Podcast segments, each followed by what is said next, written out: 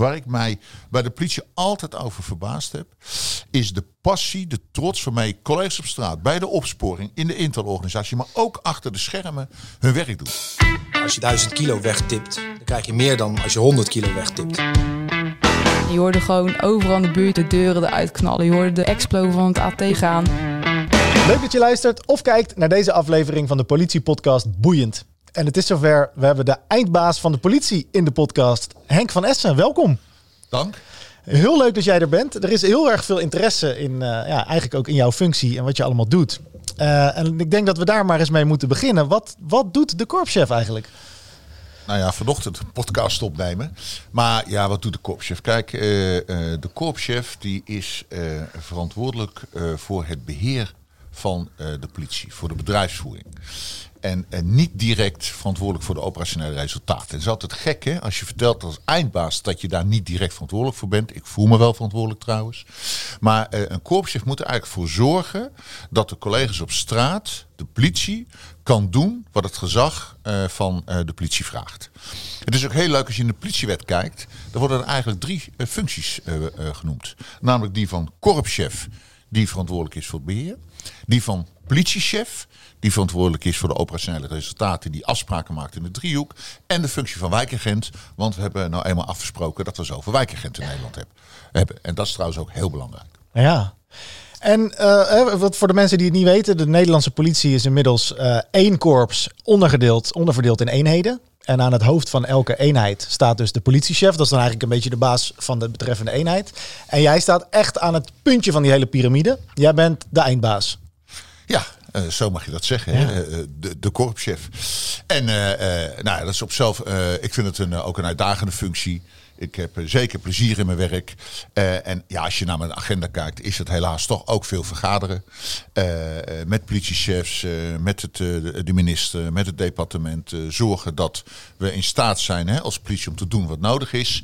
Maar ik ga gelukkig ook veel op werkbezoek. Dat vind ik eerlijk gezegd een van de allerleukste dingen. Gewoon met de collega's praten. Ja. wat ze doen, waarom ze het doen, wat ze nodig hebben, waar ze tegenaan lopen. Nou ja, en wat ik al zei, een podcast opnemen. Nou, dat vind ik ook leuk. Ja, leuk ik ben ook echt blij dat je er bent. Want ik vind het heel interessant, maar ook wel een beetje moeilijk. En ik wil ook eigenlijk meteen beginnen met een gewetensvraag. Is het nou meer een beetje een politieke baan? Of is het meer wel echt politiewerk? Ja, nou, het, dat is geen leuke vraag, nou, hè? Kijk, uh, ik zou willen antwoorden, het is echt politiewerk, maar dat is het, is het niet. Kijk, uh, de politie is, uh, is landelijk georganiseerd.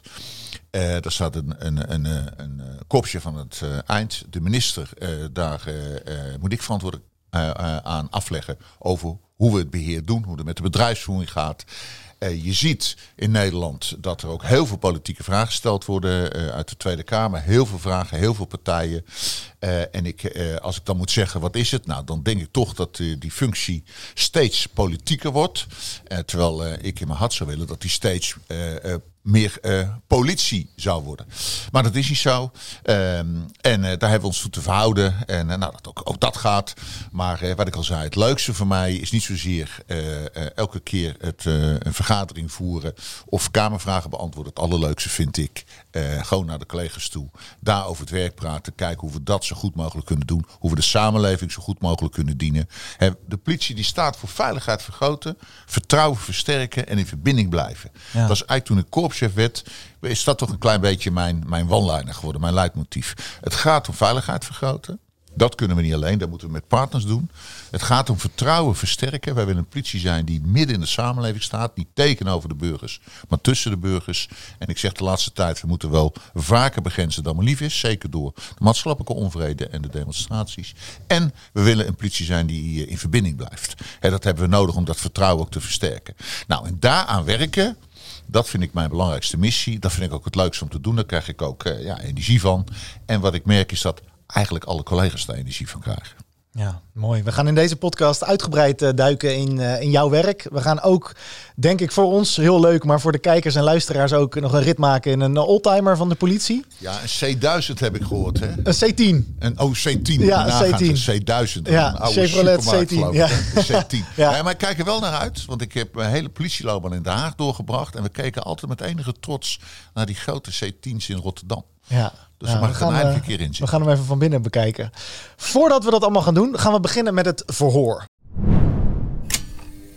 Het verhoor. Wat is het leukste aspect van jouw werk? Ja, dat zei ik eh, eh, net al. Het, het leukste aspect vind ik eh, op werkbezoek gaan. Kijk, eh, toen ik eh korpschef werd, eh, toen was het vertrouwen in de politie best hoog. Eigenlijk sinds de vorm van de nationale politie is het vertrouwen wat de samenleving, de burger en de politie heeft gestegen. Dat vind ik op zichzelf een knappe prestatie.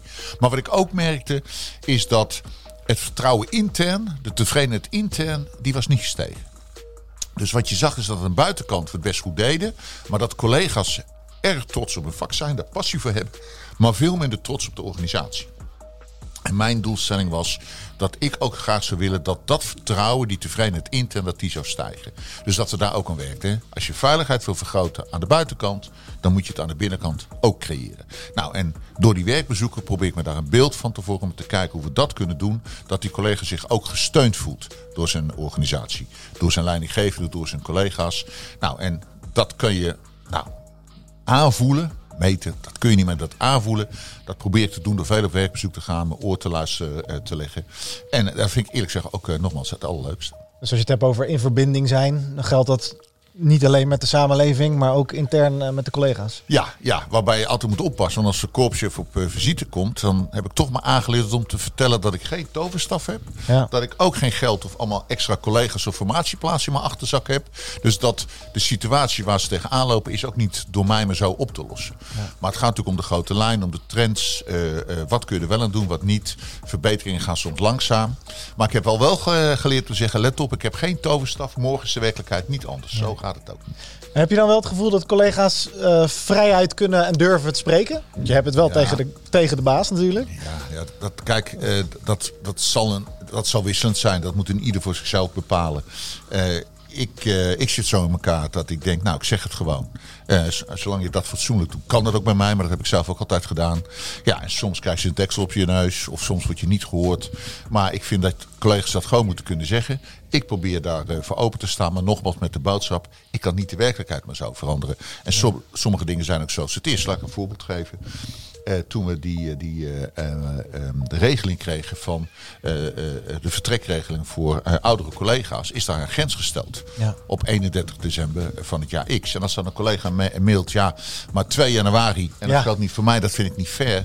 Ja, kijk, dat, aan dat soort dingen kan ik niks veranderen. Hè. Ik zeg altijd, grensproblematiek kun je niet oplossen door een nieuwe grens te trekken. Want ja, dan krijg je weer eh, dit soort voorbeelden. Dus aan sommige dingen, sommige afspraken zijn zoals ze zijn. En daar heeft er één voordeel van en een ander niet.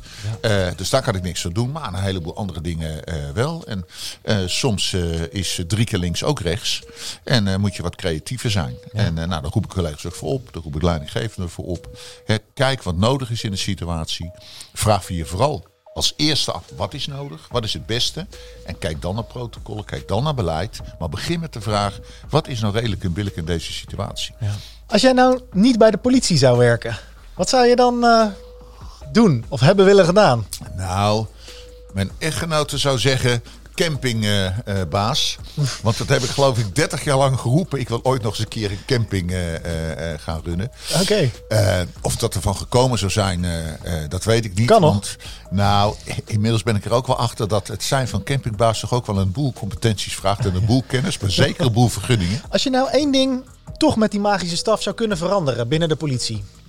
Gewoon, we zwaaien met een stok en er is één ding gewoon anders of beter. Wat, eh, wat zou dat dan zijn? Op dit moment is dat capaciteit. Ja. Op dit moment is dat capaciteit. Als ik, eh, als ik één wens zou mogen doen, hè, eh, wat was het? Aladdin deed dat vroeger, geloof ik. Hè? Ja. Dan kon je wensen. Dan zou ik zeggen, ik zou willen dat de Nederlandse politie dat we op sterkte zijn. En dan laten we beginnen. Dat de formatie gevuld is, dat elk basisteam die eh, collega's heeft hè, eh, waar ze volse formatie recht op hebben. Dan nog denk ik dat de werkelijk groot is en dat we constateren dat er te veel werk op ons bordje ligt. Maar mijn mensen zijn eh, basisteam op sterkte, wijkagent in de wijk. De 80% die we altijd eh, promoten, dat dat ook waargemaakt kan worden. Dat we die oog- en oorfunctie kunnen zijn. En waar, die ik heel belangrijk vind. Dat we tussen die mensen staan, verbindingen kunnen aangaan, relaties kunnen leggen, eh, hè, eh, die we nu kunnen leggen en in moeilijke tijden kunnen gebruiken. Dat is, een, vind ik, een backbone van de Nederlandse politie, die robuuste basisteams met die wijkagent als vooruitgeschoven post. Hè. Dat is toch de symbolische functie. Maar een wijkagent alleen, ja, die maakt het verschil ook niet. Er hoort een basium achter te staan. Dus als ik één ding zou mogen wensen, dan zou dat deze wens zijn. Ja. Welk muzieknummer past het beste bij het werk wat jij doet? Want ik weet dat jij muziekliefhebber bent. Ja, kijk, dat zijn, eh dat zijn een heleboel eh, eh, mooie nummers. Kijk, ik, op dit moment is het nummer van Buffalo Springfield voor What's Worth vind ik een mooi nummer. Omdat het gaat over de roerige jaren 60. Hè, waar ook maatschappelijk onvrede was. Nou, dat zie je nu ook terug. Dat nummer spreekt me nu erg aan. Maar ik zit in Rotterdam. En, eh, en ik ben ook helemaal gek van Amazing Stroopwafels uh, Oude Maasweg. Vind ik een geweldig Nederlands nummer. Dus ja, dat hoort niet zozeer bij het eh, werk. Maar ik zit in Rotterdam. Het hoort wel bij Rotterdam. Ja, ja, ja. Ja er zijn natuurlijk wel meer nummers. Wat wat minder passend is. Maar wat ik wel een mooi nummer vind is Ja. Cocaine van Eric Clapton. Oh, maar ja. ja. dat kan ik natuurlijk als korpschef niet promoten. Tot slot in dit verhoor. Zijn er dingen die je over zou willen doen in jouw carrière? Ja, ja, ja. Ik zou, eh, ik zou eh, misschien wel meerdere dingen, maar een van de dingen die ik over zou willen doen is de tiende verjaardag van mijn eh, dochter. Dat weet ik nog wel redelijk goed, want toen was de voetbalwedstrijd ADO-Ajax. En ik was verantwoordelijk voor de stad Den Haag. Dus het was een belangrijke wedstrijd. ADO-Ajax altijd hè, beladen. En toen ben ik die dag gaan werken. Ja, en ik weet niet of dat nou een hele verstandige keuze geweest is. Want eh, een van mijn eh, opmerkingen is ook: vergeet nooit privé in ons werk. Je gaat op in je werk, we zijn gepassioneerd. Maar privé is uiteindelijk de basis, het allerbelangrijkste. Ja. En mijn dochter is inmiddels achter in de twintig, maar die weet nog steeds dat ik op haar tiende verjaardag niet thuis was. Ja. En eh, dat, eh, dat geeft mij toch wel het inzicht dat ik dat beter niet had kunnen doen. Niemand is onmisbaar. Verdachte feitjes. Welkom weer bij een nieuw verdacht feitje. En deze keer hebben we het over de tap. En bij de tap denk je natuurlijk misschien meteen aan de kroeg. De tap in de kroeg. Kan ik me helemaal voorstellen, maar daar hebben we het natuurlijk niet over in politieland. Eh, ik heb het natuurlijk over het tappen van telefoongesprekken of WhatsApp-berichten uitlezen. We mogen natuurlijk niet zomaar iemand tappen. We hebben daarvoor toestemming nodig van de rechtercommissaris. En daarnaast moet er minimaal een gevangenisstraf op staan van vier jaar. En moet het echt een inbreuk zijn op de rechtsorde. Dus er zitten aardig wat voorwaarden aan voordat we iemand mogen tappen. Nou, ik hoop dat je hem weer interessant vond. Ik zie je weer bij het volgende verdachte feitje. Jouw vraag. Wij stellen de luisteraars van deze podcast altijd in de gelegenheid om eh, vragen in te zenden naar eh, de gasten die we hebben. En eh, zo ook bij jou. En er was best heel erg veel respons. Dus er is veel interesse in jouw functie. Ehm, dus ik wil een aantal van die vragen aan je voorleggen. Wat vind jij zelf jouw allerbelangrijkste taak in je functie? Ja. Nou, ik heb uitgelegd dat ik verantwoordelijk ben eh, voor de bedrijfsvoering beheren. Dus eh, het, belangrijkste is, en dat is een wat abstract antwoord hoor, maar is dat ik ervoor zorg dat eh, al die mensen die hun werk hier moeten doen, of het nou de bedrijfsvoering is, achter de schermen, voor de schermen, regisseurs, agenten op straat, dat die in staat zijn om dat goed te doen. Dat ze goed zijn opgeleid, dat het materieel er is, eh, hè, dat er voldoende mensen zijn. Dat is, dat is mijn eh, eh, belangrijkste taak. Maar wat ik ook wel merk dat een, een andere taak is dat je een vorm van hitteschild bent tegen de buitenwereld die allerlei invloeden of zaken van de politie wil, die uiteindelijk bepaald worden door het gezag. Dus de, de- wat, wat de politie doet, is aan het gezag. En dat wordt in die driehoek bepaald, eh, samen met de, de politiechef. En, eh, en je ziet de invloed van media, je ziet de politieke invloed. Dus daar heb je ook een soort hitteschild tegen te zijn, een soort eh, buffer. Nou, dat is ook een onderdeel van mijn vak. Eh, daar krijg je niet altijd eh, de energie van, maar dat hoort er ook bij. Eh, ik denk ook dat het goed is dat je als boegbeeld zo nu dan het podium kiest en uitlegt wat de politie doet en waarom de politie het doet. We hebben wel voor gekozen, toen ik korpschef werd, dat dat niet alleen de korpschef is, maar dat dat ook de verschillende politiechefs zijn. Dus ik ben er buitengewoon trots op dat niet alleen de korpschef de politie vertegenwoordigt, maar dat er steeds meer andere politiemensen zijn die dat ook doen. En ik heb het over politiechefs die dat doen, maar ook over wijkagenten of hè. Wie kan nou beter uitleggen wat dat specifieke werk inhoudt dan de collega die het doet? Ja. Dus ik vind het mooi als een wijkagent naar voren treedt. Dat kan eh, via social media of op televisie of een zedenrace uitlegt wat we doen en waarom we doen. Maar goed, dat hoort, wordt ook van mij verwacht. Nou, dat, eh, dat doe ik ook geregeld. Maar dat dat, dat dat verdeeld is en niet afhankelijk van één persoon vind ik ook eh, iets moois en een goed ding. Ja, en, en ik denk dat, dat die binnenkant, hè, dus dat vertrouwen in de binnenkant versterken, daar aandacht voor hebben, daar energie in steken, ook een belangrijk onderdeel van mijn vak is. Tegelijkertijd hoorde ik je net ook zeggen dat je werkweken van 60 uur maakt, eh, heel veel overleg eh, zit. Heb je het gevoel dat je, ondanks alle ruis en alle dingen die er nog meer spelen, eh, heb je het gevoel dat je de kern van jouw functie, dat, daar, dat je daar genoeg tijd en ruimte voor hebt? Nou, het eerlijke antwoord is nee. Dat gevoel heb ik niet altijd. Ehm, kijk, eh, ik eh, was eh, vorige week in Australië eh, voor mijn werk. Daar, daar, daar bracht een andere eh korpsje van Australië naar voren een, een zinsnede die ik ook wil neerleggen. Kijk, je hebt urgente dingen en je hebt belangrijke dingen. En wat je ziet bij de politie is dat onze aandacht en energie altijd naar de urgente problemen gaan. Want dat zijn niet altijd de belangrijkste problemen. Hè? Urgentie, important zijn die, maar uh, urgent en belangrijk. En wat ik wel zou willen is dat we niet elke keer die waan van de dag alle energie besteden, maar dat we ons ook op de belangrijke dingen eh, richten. En laat ik een paar voorbeelden nemen. Hoe ziet het politiewerk er nou in 2030 uit? Ja. Wat betekent nou de digitalisering van de samenleving? Wat betekent nou de ontwikkeling op de arbeidsmarkt, de krapte daarvan, als het werk mogelijk verandert. Als we ons ook op, in het cybergedeelte moeten bewegen. Dat vraagt andere competenties. Kan dat betekenen dat we op een andere manier moeten werven?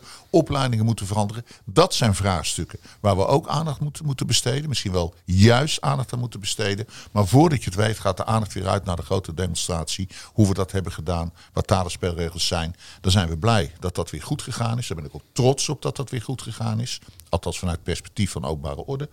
Maar ja, dan, uh, dan gaan we over tot de orde van de dag. Ja. En besteed je dan tijd aan die belangrijke zaken.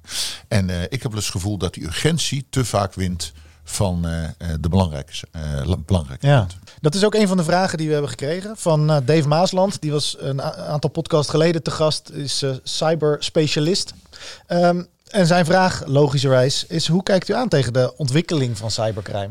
Nou, kijk, de digitalisering van de samenleving eh, nou ja, is onmiskenbaar aanwezig. En daarmee ook de criminaliteit. En ik denk, in coronatijd heeft die cybercrime heeft ook nog een, een boost gekregen. Hè? Criminelen die waren ook beperkt in het publieke domein. En hebben een heil ook uh, gezocht in het digitale domein. En daar zijn sommige uh, verrekte handig in. Let op, sommige daders zijn ook buitengewoon jong hè, daarin. Ja. Uh, en, en de slachtoffers, kijk, als je een woninginbraak doet, dan kom je maar bij één persoon binnen. Maar met een, een, een, een, een slimme uh, truc of een slimme software kom je niet bij één woning tegelijk binnen, maar bij honderden tegelijk binnen. Dus het, het effect van die cybercrime is dat het, het, een groot aantal mensen in één keer kan raken. Ja. Nou, daar moeten wij tegen optreden. En dan is toch de vraag, een van, dat was toch de, een van de vragen is, en wat is dan de rol van de politie in het cyberdomein? Want er zijn twee grote verschillen tussen cyber en publiek. In ieder geval twee hele grote. Het is een, een domein waar je altijd met de private partij te maken hebt. Dus je moet altijd publiek-private samenwerking organiseren in het cyberdomein. En twee, het is grenzeloos. Ja. Kijk, jij kan in Rotterdam de stadsgrenzen. En dan, nou, daar, daar is de basisteam van. En, en dan gaat het over naar Den Haag. Dan heb je een ander basisteam. Digitale criminaliteit is grenzeloos. Wat is dan de rol van de politie? Natuurlijk ook boeven vangen, criminaliteit bestrijden.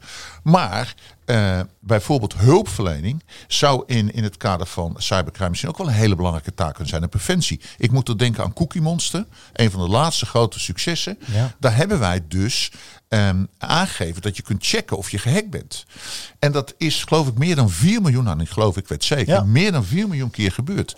Dat is ook een rol die die politie kan hebben. En dan heb je dus een andere rol in het cyberdomein. Dan is het niet direct boeven pakken, maar is het een vorm van preventie, hulpverlening. En als je gehackt bent, kon je ook nog uh, uh, geholpen worden hoe je dat weer uh, nou, ongedaan maakt.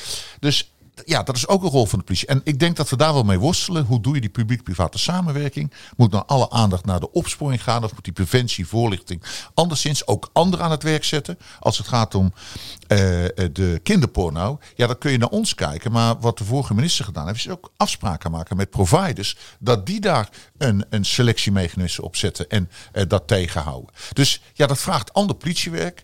En, en ik ben er ook nog niet helemaal zelf uit wat dat precies betekent. Dat moet zich ook ontwikkelen. Met een mooie term, hè, laat dat maar een beetje evalueren. Ja. Dat groeit, maar het is onmiskenbaar dat we als politie op dat domein, eh, eh, denk ik, een been bij te trekken hebben. Wat ook onmiskenbaar is, is het feit dat de criminaliteit en de digitalisering, alle ontwikkelingen buiten, gaan altijd sneller dan waar wij als politie op kunnen anticiperen.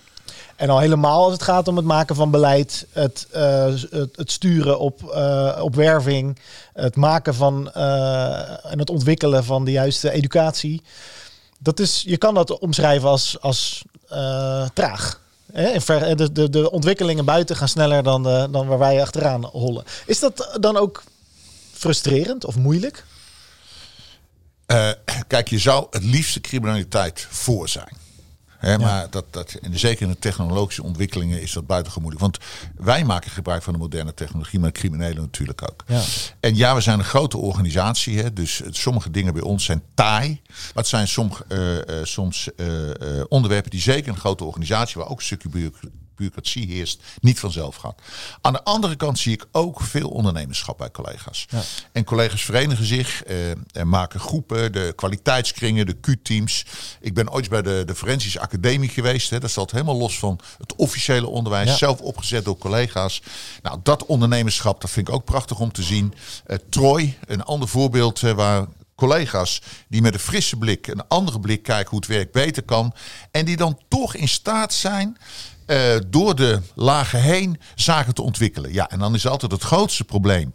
Dan denk je, dit vind ik mooi, dit koester ik. Dit moeten we met een wat moeilijker woord institutionaliseren. Dit moeten we borgen. Ja, dan wordt het allemaal eh, wat lastiger. Dus ja, eh, ik, ik herken wel dat tegen blokkades oplopen in zo'n grote organisatie. Maar ik zie ook prachtige initiatieven waar collega's er dan toch, hè, dat heet olifantenpaadjes of geitenpaadjes weten te vinden. Ja. En dat vind ik ook prachtig om te zien. Ja.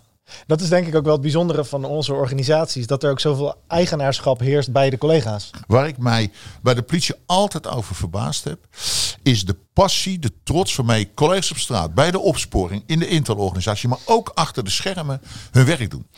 Ehm, ik sta er nog bij. En het is me echt overkomen dat ik eh, als korpsje van Haaglanden had ik een, eh, een, een, ook een, een, een beleidsdocument geschreven. Dit is wat, wat we willen de komende jaren. En had ik met elk team een gesprek. Maar zo ook met het team van de garage. En toen zei een monteur tegen mij, ik zei nou, wat doen jullie? En toen zei een monteur tegen mij, ik lever een belangrijke bijdrage aan de veiligheid in Nederland. En toen dacht ik toch, ja, weet je, eh, hoe dan? Ja. Hè, hoe dan?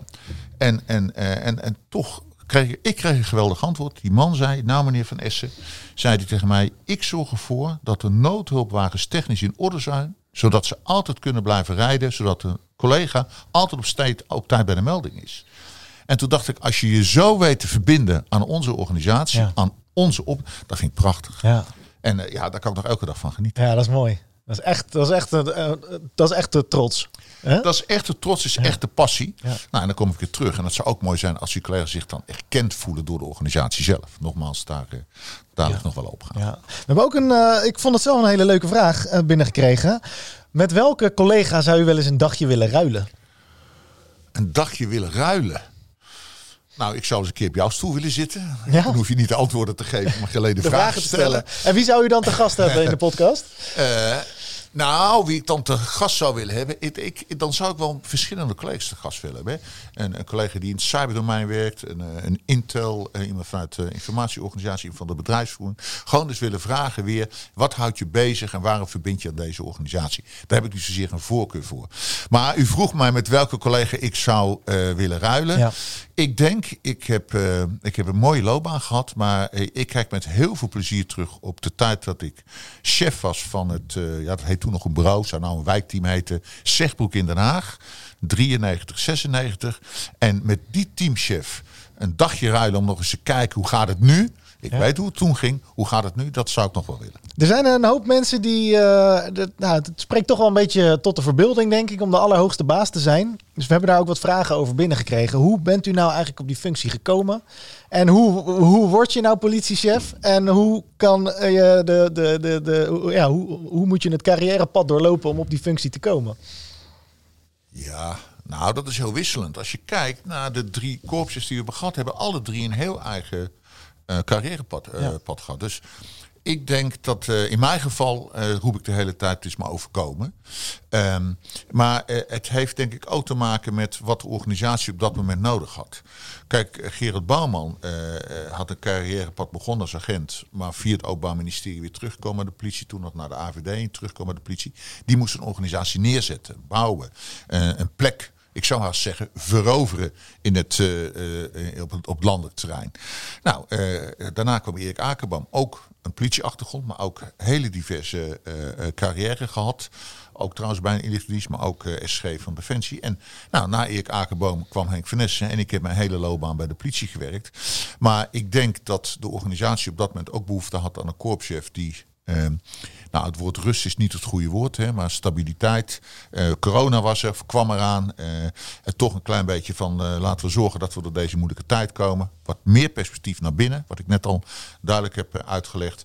Nou, en na mij komt er denk ik weer iemand die ons voor moet bereiden op de volgende fase van de politieorganisatie, politiefunctie naar het jaar 2030. Dus ik denk dat elke, elk, elke tijdvak wel zijn eigen korpschef heeft.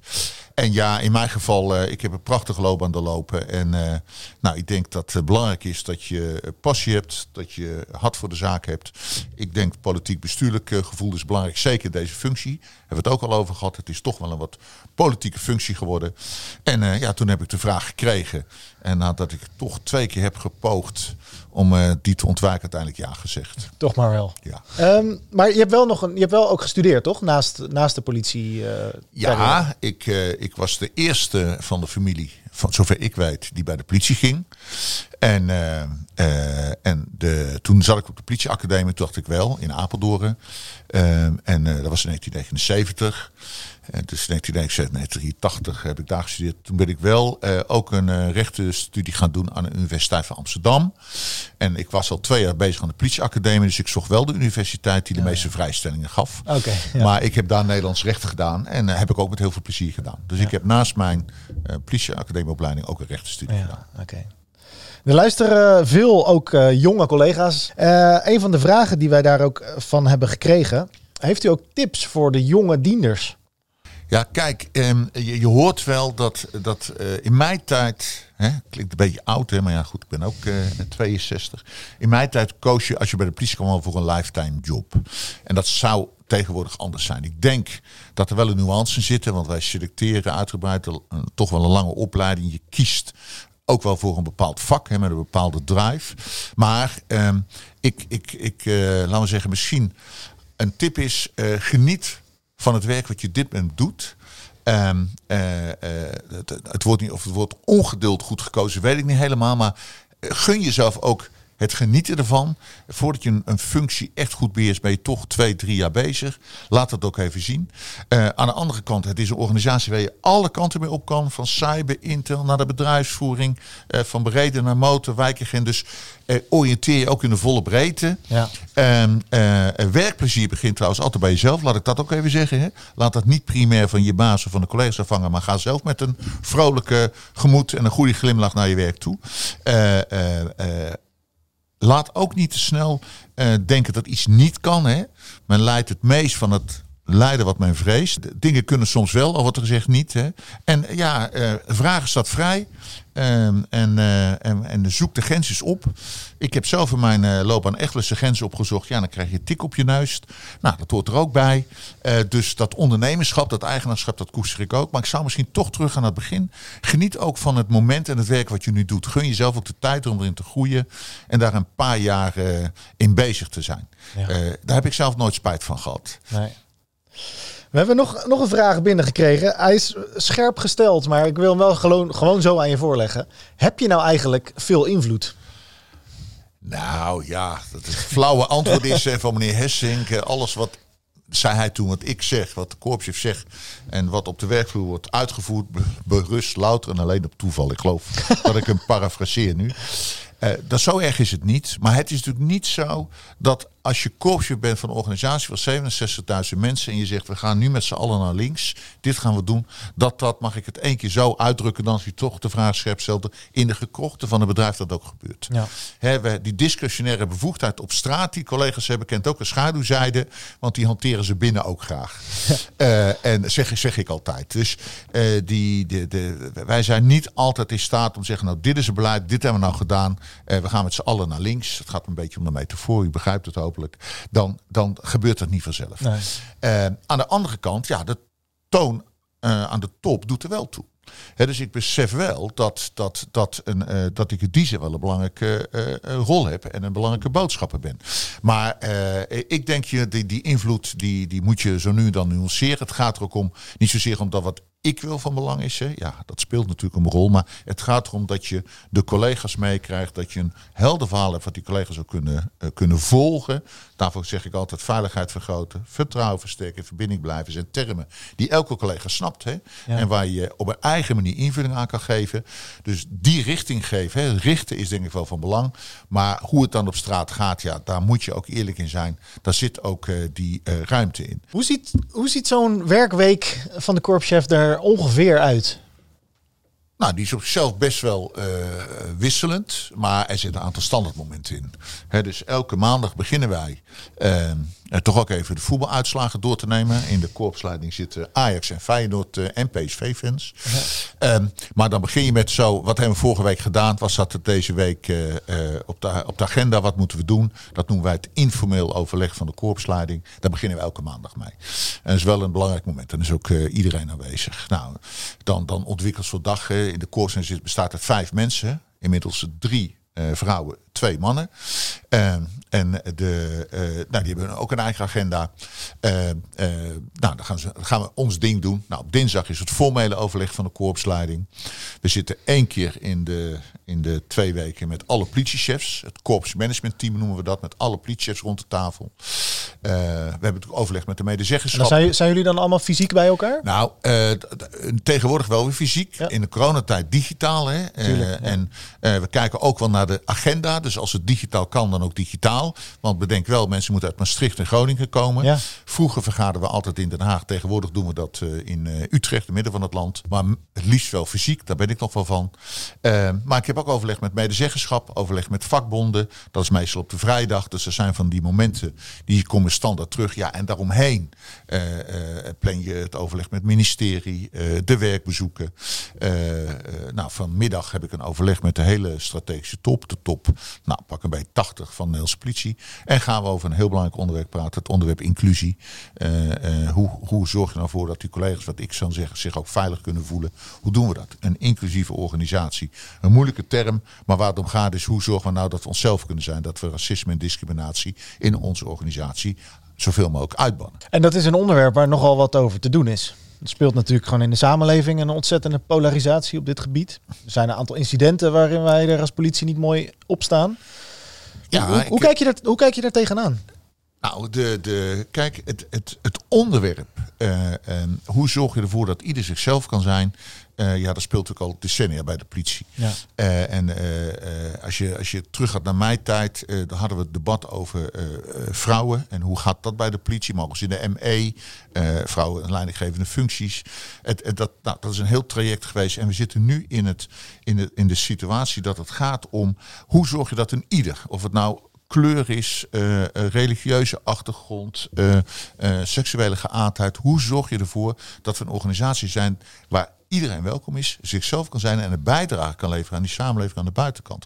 Kijk, wat heel erg van belang is, als, als, als ik aangeef dat, dat deze Nederlandse politie niet tegenover de burgers wil staan, maar tussen de burgers, het vertrouwen wil hebben van de samenleving, eh, relaties wil opbouwen die we in moeilijke tijden kunnen benutten, dan vereist dat een politie die herkenbaar is eh, voor de wijk waarin ze werken, voor de samenleving. En ik heb zelf een jaar in Schilderswijk gewerkt als regisseur. En ik denk dat ik een integere, goede politieambtenaar zou zijn. Maar als je in een wijk als de Schilderswijk of Amsterdam-West of de Kop van Zuid... alleen maar basisteams hebt met witte collega's of witte mannen van boven de 60... dat is dan geen herkenbare politie voor die wijk, voor die samenleving. En, en dan wordt het lastig en dan ken je de morgens niet. Dan wordt het moeilijker om relaties op te bouwen. Nou, en ik denk dat je een herkenbare politie moet zijn. Dus dat het van belang is dat we divers zijn samengesteld. En dat kan dus per wijk verschillen. Per onderdeel. Dat kan verschillen. Kijk naar je buitenwereld. Nou, daar moet je in willen investeren. Maar als je die mensen dan binnen hebt, die collega's binnen hebt, moet je er ook voor zorgen dat je ze benut, dat ze zichzelf kunnen zijn. En ik denk dat we niet moeten onderschatten, daar hebben wij nog een weg af te liggen. En hier gaan trouwens urgentie en belangrijkheid samen. Hè, de urgentie is groot, maar het belang ook. En daar moeten we in willen investeren. Omdat we dan pas die politie kunnen blijven die het vertrouwen van die samenleving eh, heeft en blijft houden. Ik ben buitengewoon trots dat in de laatste CBS-meting de politie nog steeds een hoog vertrouwen van die samenleving heeft. Maar er komen is één. Maar er blijven is twee. Ja. En dat vraagt echt veel van ons. Je, je komt op mij over echt als een gevoelsmens. En er zijn heel erg veel politiemensen waar jij nou ja, de baas van bent. Die eh, het best ook wel pittig en zwaar hebben. Wat, wat, wat Nou ja, doet dat met jou? Of wat vind jij Nou ja, ik probeer ook eh, in mijn werkbezoeken daar oog voor te hebben. Hè, kijk, de, de, eh, als je niet oppast, dan eh, ben ik alleen en ga ik alleen op werkbezoek naar collega's die in de vuurlinie hebben gestaan. Maar ik moet ook de mensen in de achtergrond niet vergeten. Hè. Dus voordat je het oppast, heb ik ook voor al die collega's die elke keer in de ME bij corona hun werk deden in het weekend. Maar hun gaten in de basisteams en de roosters moesten worden opgevuld, hè, opgevuld door collega's die ook weer een extra dienst deden. En wat kun je daaraan aan doen? Nou, aandacht, luisterend oor. Ook als een collega een keer zegt, nou trek ik het niet daar ruimte voor geven. Dat begint natuurlijk met de, de teamchefs en de operationele experts. Hè, die de facto die direct leidinggevende zijn. Die oog voor de collega's moeten hebben. Begrip moeten hebben. En ook een keer zeggen, oké, twee weekenden gewerkt. Dit weekend even niet. Daar moet ruimte voor zijn. Ja. Eh, dat, dat vertel ik overal. Maar ja, aan de andere kant, de noodhulp moet wel rijden. Hè? Of incidentafhandeling heet dat tegenwoordig. Ja. Eh, dus ja, dat, dat, dat blijft ook weer ehm, balanceren. Maar ik heb vaker aangegeven, dat is een van mijn rollen, ook in de politiek, ook in de media. Wij staan al heel lang aan.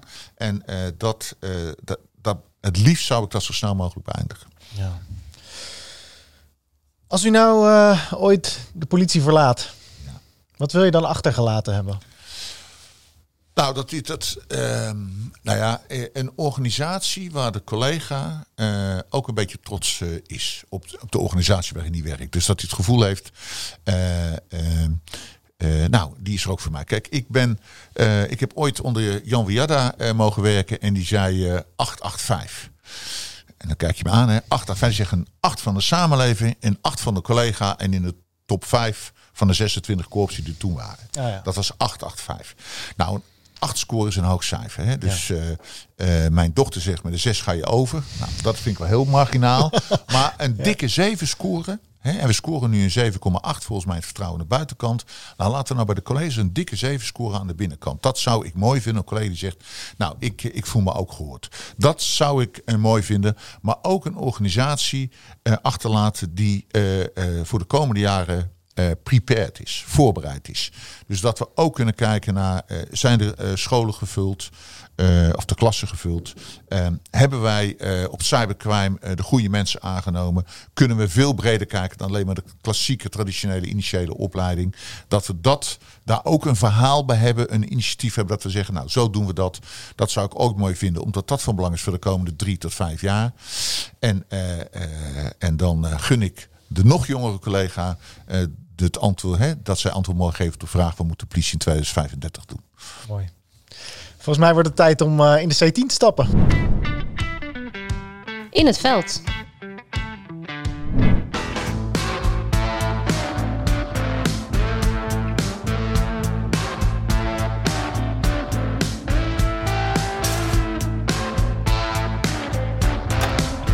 De eerste stop van deze ja, tour door Den Haag. We staan hier op het Malieveld.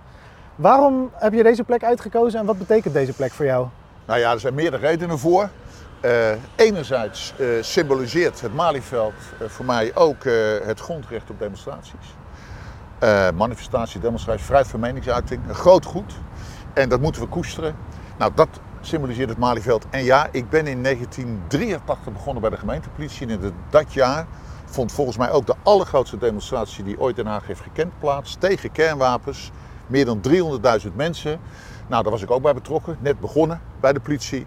En eh, wat ik daar nog van herinner is dat wat wij in onze jargon hè, kopstoet.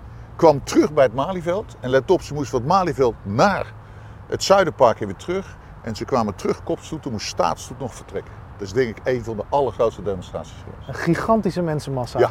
Inmiddels zijn we heel wat jaren verder en is ook de, ja, een beetje de toon in de samenleving veranderd. Het, er is echt wel sprake van een verharding. Hoe kijk jij daar tegenaan? Wat doet dat met jou? Nou, kijk, de, de, ik constateer twee dingen. Op het aantal items neemt de maatschappelijke onvrede toch toe. Eh, en het ongenoegen. En dat uit zich vaak ook in demonstraties. En ja, die demonstraties verharden zich ook. Kijk, ehm, eh, we hebben eh, stikstofproblematiek, eh, woningproblematiek, klimaat, boer, nou ja, alles kun je opnoemen. En de echte oplossing kan niet door de politie geboden worden. Dat vraagt een maatschappelijke en politieke oplossing. Maar de onvrede die uit zich in demonstraties. Nou, ik vind dat wij die moeten faciliteren. Dat doen we ook. Groot goed. Maar het zijn er tegenwoordig wel heel veel. Het vraagt heel veel capaciteit. Dat is ons werk. Maar bedenk wel, die capaciteit kunnen we niet inzetten voor andere maatschappelijke problemen. En gaat ook wat ten koste van onze zichtbaarheid in de wijk. Jij bent hier in verschillende fases van je leven en carrière vaak geweest. Wat is nou jouw mooiste herinnering hier? Ja, kijk. Het, eh, kijk, het Malieveld is niet alleen een, eh, een eh, demonstratieplek, maar ook een manifestatieplek en concerten. Ja, En een van de mooiste momenten is dat Bruce Springsteen optrad en dat daar het podium was op het Malieveld. En dat daar het hoofdbureau staat. Dus dat je zo'n mooie blik over het evenement had. Dat was ook mooi. ja dat kan me voorstellen.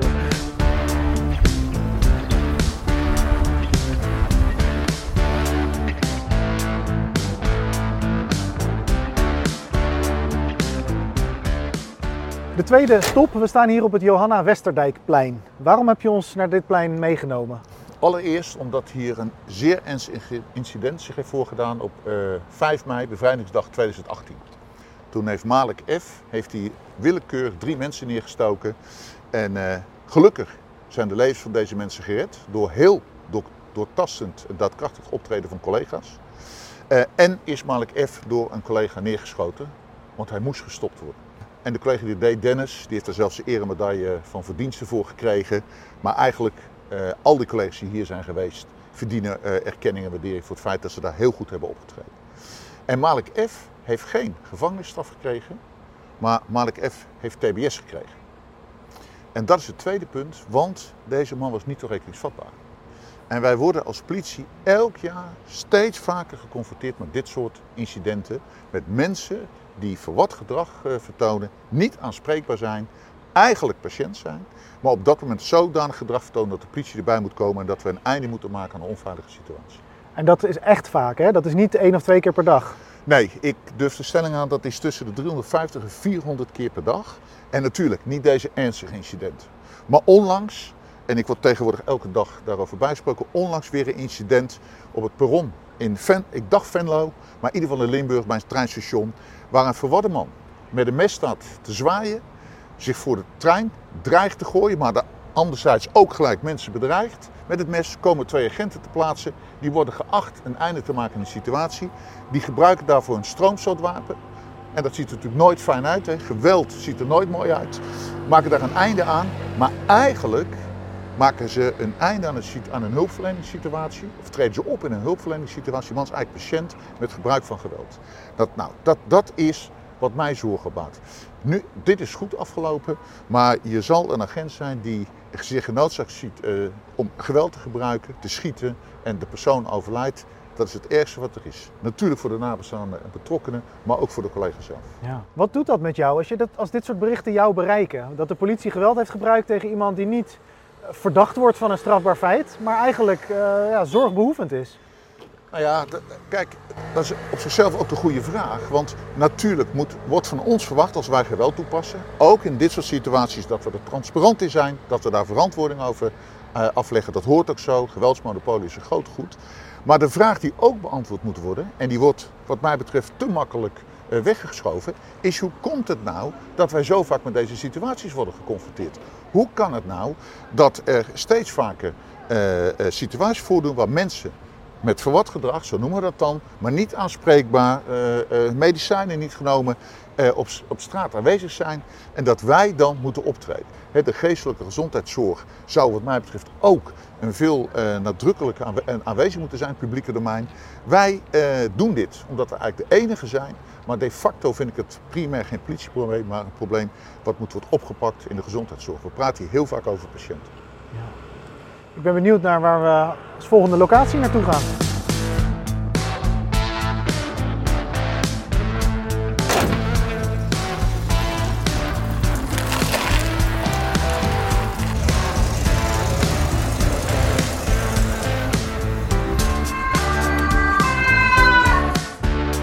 We staan eh, voor een middelbare school. We staan eh, bij eh, het voormalig Terrecollege in Den Haag, waar op 13 januari eh, 2004 een eh, leerling, eh, een docent, Hans van Wieren, heeft eh, doodgeschoten.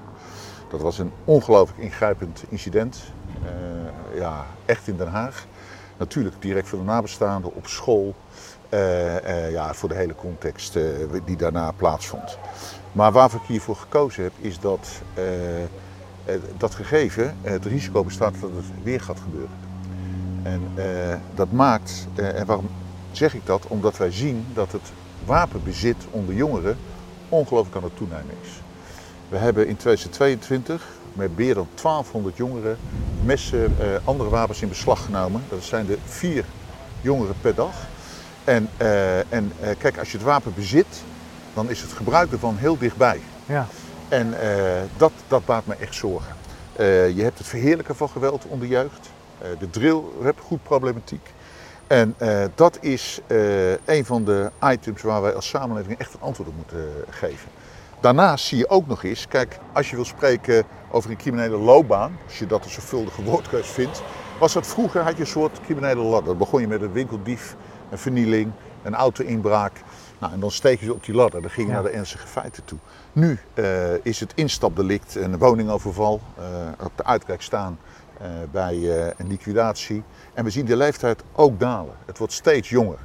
En eh, dat is een van de, als je naar mij vraagt waar de samenleving echt een antwoord moet hebben, is dat naast personen met wat gedrag, is dat toch de criminaliteit onder jeugdigen, het wapenbezit, de wapenverheerlijking. En, eh, en dan kom ik toch bij een school uit.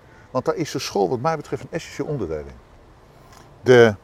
Eh, er zijn maar weinig plekken waar eh, alle jongeren, jongeren langs gaan, bijeenkomen. En daar is de school er een van. Tot 13, 14 jaar krijg je alle jongeren, hè, gaan allemaal naar een basisschool. We zitten allemaal de eerste twee jaar wel op een middelbare school. Ja. En we zouden als haakje moeten gebruiken die context, die school die er is. Daar moeten we als politie ook aanwezig durven zijn, vind ik. De school is voor mij een sociale entiteit. Hè. Je hebt een geografische entiteit, een wijk. Maar een school is ook iets waar eh, veel mensen bij elkaar komen. Maar we zouden ook eh, die informatie daar aanwezig is, die plek moeten gebruiken om onze aanpak te verbeteren. Ik denk dat eh, eh, docenten, onderwijzers in klas 7 en 8 op de basisschool eigenlijk al weten waar de potentiële problemen zich voor kunnen doen. Waar eh, gaan we als volg naartoe? Ja, het is wel een, een, een, een grote overgang, want we hebben net een paar plekken gehad waar echt ernstige incidenten zich hebben voorgedaan. Maar ik zou ook graag naar Kijkduin willen, want ik was in dienst, ik was officier voor dienst toen daar drie potvissen aanspoelden in januari 1995. We gaan eens even kijken.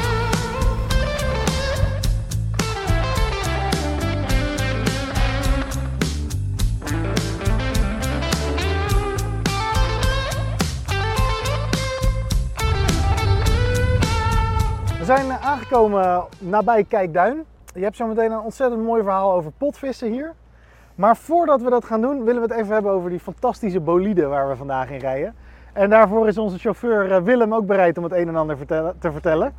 Willem, vertel, wat, eh, wat- in wat voor auto rijden we vandaag? Dit is een eh, Chevrolet eh, K10 genaamd.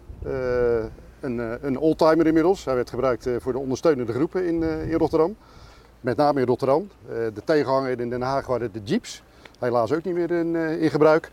Maar eh, dit eh, voertuig werd gebruikt voor, eh, voor eh, railbestrijding eh, in, die, in die jaren. Heb jij hier wel eens eerder in gereden? Nee, nee, dat is waarom ik het ook geaccepteerd heb. Hè?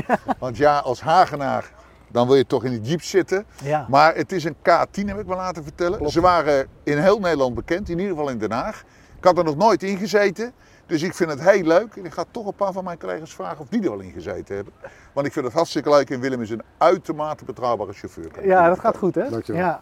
Wat kun je vertellen over deze specifieke auto? Want hij heeft nog wel wat meegemaakt hè? Ja, ja hij werd, eh, ja, zoals gezegd, voornamelijk bij railbestrijding eh, ingezet. Dus er zijn ook nog wat markeringen van, eh, van die tijd. Eh, de, ja, de, de bekende supporters die waren het niet altijd eh, eens met het optreden. En die gooiden nog wat spulletjes. En ja, eh, op dit, eh, deze, dit oude beestje hebben we die beschadiging maar laten zitten als Ja. een soort herinnering. Eh Lexaanramen, gaas voor het, eh, voor het voorraam en vierwiel aangedreven. Dus je kon er ook een terrein mee in. Dus we kunnen zo nog even het strand op. Wat je wil. Ja hoor, geen probleem. Nee, dat gaan we maar niet doen denk nee ik hè? dat moet niet. Nee. Nee, Dankjewel Willem. alsjeblieft. Een gewetensvraag. Vond je nou de Jeeps of deze Chevrolet mooier? Eh, nee, nee ik, eh, de Jeeps. ik heb er nog altijd spijt van. Ze zijn verkocht. Daar heb ik trouwens ook spijt van, dat ze weg zijn. Maar eigenlijk had ik toen toch moeten kijken of ik ook niet zo'n Jeep had eh, kunnen kopen. Heb jij veel met het, met het nalatenschap van de politie? De dingen van vroeger? Nou, kijk, je moet oppassen. Je zegt, vroeger was het allemaal beter. Vroeger was het anders. Eh, eh, maar wat ik wel mooi vind, politiemensen zijn verhalen vertellen, zeg ik altijd. Ik heb eh, best mooi veel dingen meegemaakt. Ja, en daar is die Jeep, hè, onderdeel van de ME, maakt er onderdeel van uit. En ja, dan denk ik gelijk weer aan een demonstratie met de Zuid-Molukkers, waar het uit de hand liep. Of een demonstratie met studenten waar Jeeps zijn ingezet. Dus ja, zo denk je altijd weer terug. En ik vind het mooie van politiemensen heel vaak dat die trots zijn op hun vak, trots zijn op hun, wat ze gedaan hebben, het werk en de toegevoegde waarde die we hebben. Ja, dat heb ik ook wel. Ja, en daar maakt de Jeep wel eenmaal onderdeel van uit. In het kader van die verhalen. Hier, zijn dus, hier Ja. hebben potvissen gelegen. Nou, het is een stukje verder. Oké. Ik het precies, maar januari 1995. Toen spoelden er drie potvissen aan op het strand tussen Scheveningen en Kijkduin. Maar we- eh, wij zeiden bij Kijkduin. En ik was officier van dienst, dus we moesten daar naartoe. Nou, eh, die dieren die waren binnen enkele uren eh, dood. Maar er kwam een heus eh ja, potvistoerisme op gang. Het was natuurlijk uniek. Dus er, moest, nou, er werd afgezet, banen. Iedereen wilde die potvissen zien.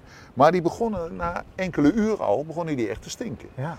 En dus ik weet nog wel dat op een gegeven moment was het na, dat heeft een paar dagen gelegen, hè, want ze zijn ja, ontleed. En ze moesten naar een museum toe. En, eh, maar het stonk enorm, dat weet ik nog wel. Dat was echt, de geur was niet te hadden. En eh, nou ja, op zichzelf was dat eh, best wel een aardig verhaal. Hoe vaak gebeurt dat nou? Maar wat het nog leuker maakte en het verhaal rond, was toen ik eh, met mijn dochter een kinderfeestje hadden. Gingen we naar het Natuurhistorisch Museum in Rotterdam. En als je daar binnenkomt, wat hangt er in de hal? Het skelet van een van die potvissen.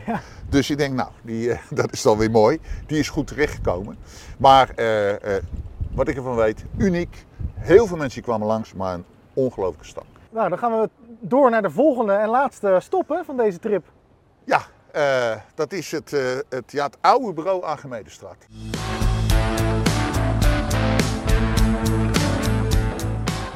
Ja, we rijden nu in de Archimedestraat. In de wijk Zegbroek. En eh, ja, dat, daar ligt wel een van mijn mooiste tijden bij de politie. Dat heette toen bureauchef, teamchef van het team Zegbroek. Ja. En het bureau was gevestigd in een oude huishoudschool. Dat is toen omgetoverd als politiebureau. Nu zijn het appartementen. En eh, nou, dat is eh, echt eh 1993, 1996. En dat is daar. Dat, ja, daar op de hoek. Ja. En daar zie je een torentje. En in dat torentje zat mijn werkkamer. Zo, Dus ja, een mooie wat wil je meer? In een torentje gezeten. in het torentje gezeten. ja, niet het torentje, maar een toren. Een torentje, ja. En waarom was dit dan de mooiste plek van jouw eh, carrière? Nou, kijk, ehm, ik was verantwoordelijk voor een, een, een, een wijkteam van pakken beter 140, 150 personen. Dus één, dan ken je iedereen nog. Een redelijk team. Twee was in de wijk waarin eh, een aantal wat eh, meer, meer probleemwijken zaten, maar ook eh, wat meer goede wijken. En het was ook nog een, een verzorgingsgebied met een actief bewonersvereniging. Dus je kon er echt iets van maken. Hè? Als ik het een beetje op simplitie zeg, we konden hier de strijd nog winnen. En eh, nou, daar kijken we met heel veel plezier op terug. We hebben ook hier eh, het eerste handhaversteam eh, van de gemeente Den Haag. is hier gebouwd. Samen met de gemeente, maar ook samen met wijkbewoners. En nou ja, nogmaals, prachtig om hier gewerkt te hebben. En ik heb nog steeds contacten met collega's uit die tijd.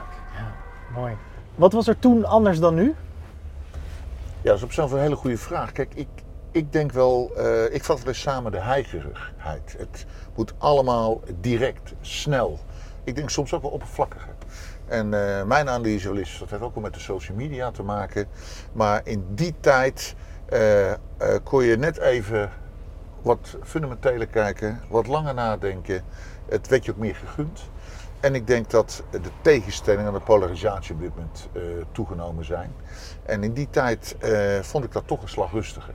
Ook toen hadden we natuurlijk onze problemen. Maar dat zijn dingen voor twee hele eh, verschillende eh, dingen in vergelijking met toen en nu.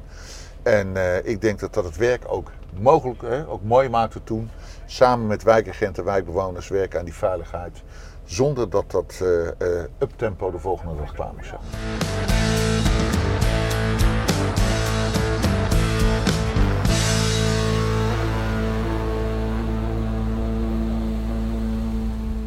We zijn bijna toegekomen aan het einde van deze aflevering van Boeiend. Henk, vooropgesteld, ik vond het ontzettend eh, interessant om jouw verhalen te horen. Ik vond het ook ontzettend leuk om even te zien eh, wat, welke plekken in Den Haag op jou indruk hebben gemaakt. En ik weet dat jouw tijd schaars is. Dus in ieder geval hartstikke bedankt dat jij hier jouw verhaal met ons hebt willen delen. Het was buitengewoon leuk om te doen. Nou, dat vind ik leuk om te horen. Ik stel de, de gast, en dat ben jij in dit geval, altijd nog in de gelegenheid om, eh, om een slotwoord met ons te delen. Nou, er luisteren veel collega's eh, naar deze podcast. Jij, eh, jij bent de eindbaas. Heb jij nog een boodschap of een slotwoord voor de collega's die hier naar geluisterd hebben? Nou ja, dat is de moeilijkste vraag voor het laatst, zou ik haast zeggen. Nee, maar wat, wat ik erg belangrijk vind is dat wij een politie zijn eh, die tussen de mensen, ik zeg misschien wel voor de derde keer in deze podcast, dat wij een politie willen zijn die het vertrouwen van de samenleving heeft. En dat, dat moet, daar moeten we in willen blijven investeren. Wat ik zie dat er veel aandacht naar repressie gaat. Maar veiligheid vergroten begint bij voorkomen. Dus dat feit dat we in die wijk aanwezig willen zijn, dat we die wijkagent inderdaad voor 80% in die wijk zouden moeten willen hebben, en dat gaat nu niet door die capaciteitsproblemen. Dat besef dat we die politie willen zijn, benaderbaar, aanspreekbaar in de wijk. En dan ook in de opsporing, ook, hè, ook daar kun je aan voorkomen werken. Ik heb iets over cyber gezegd.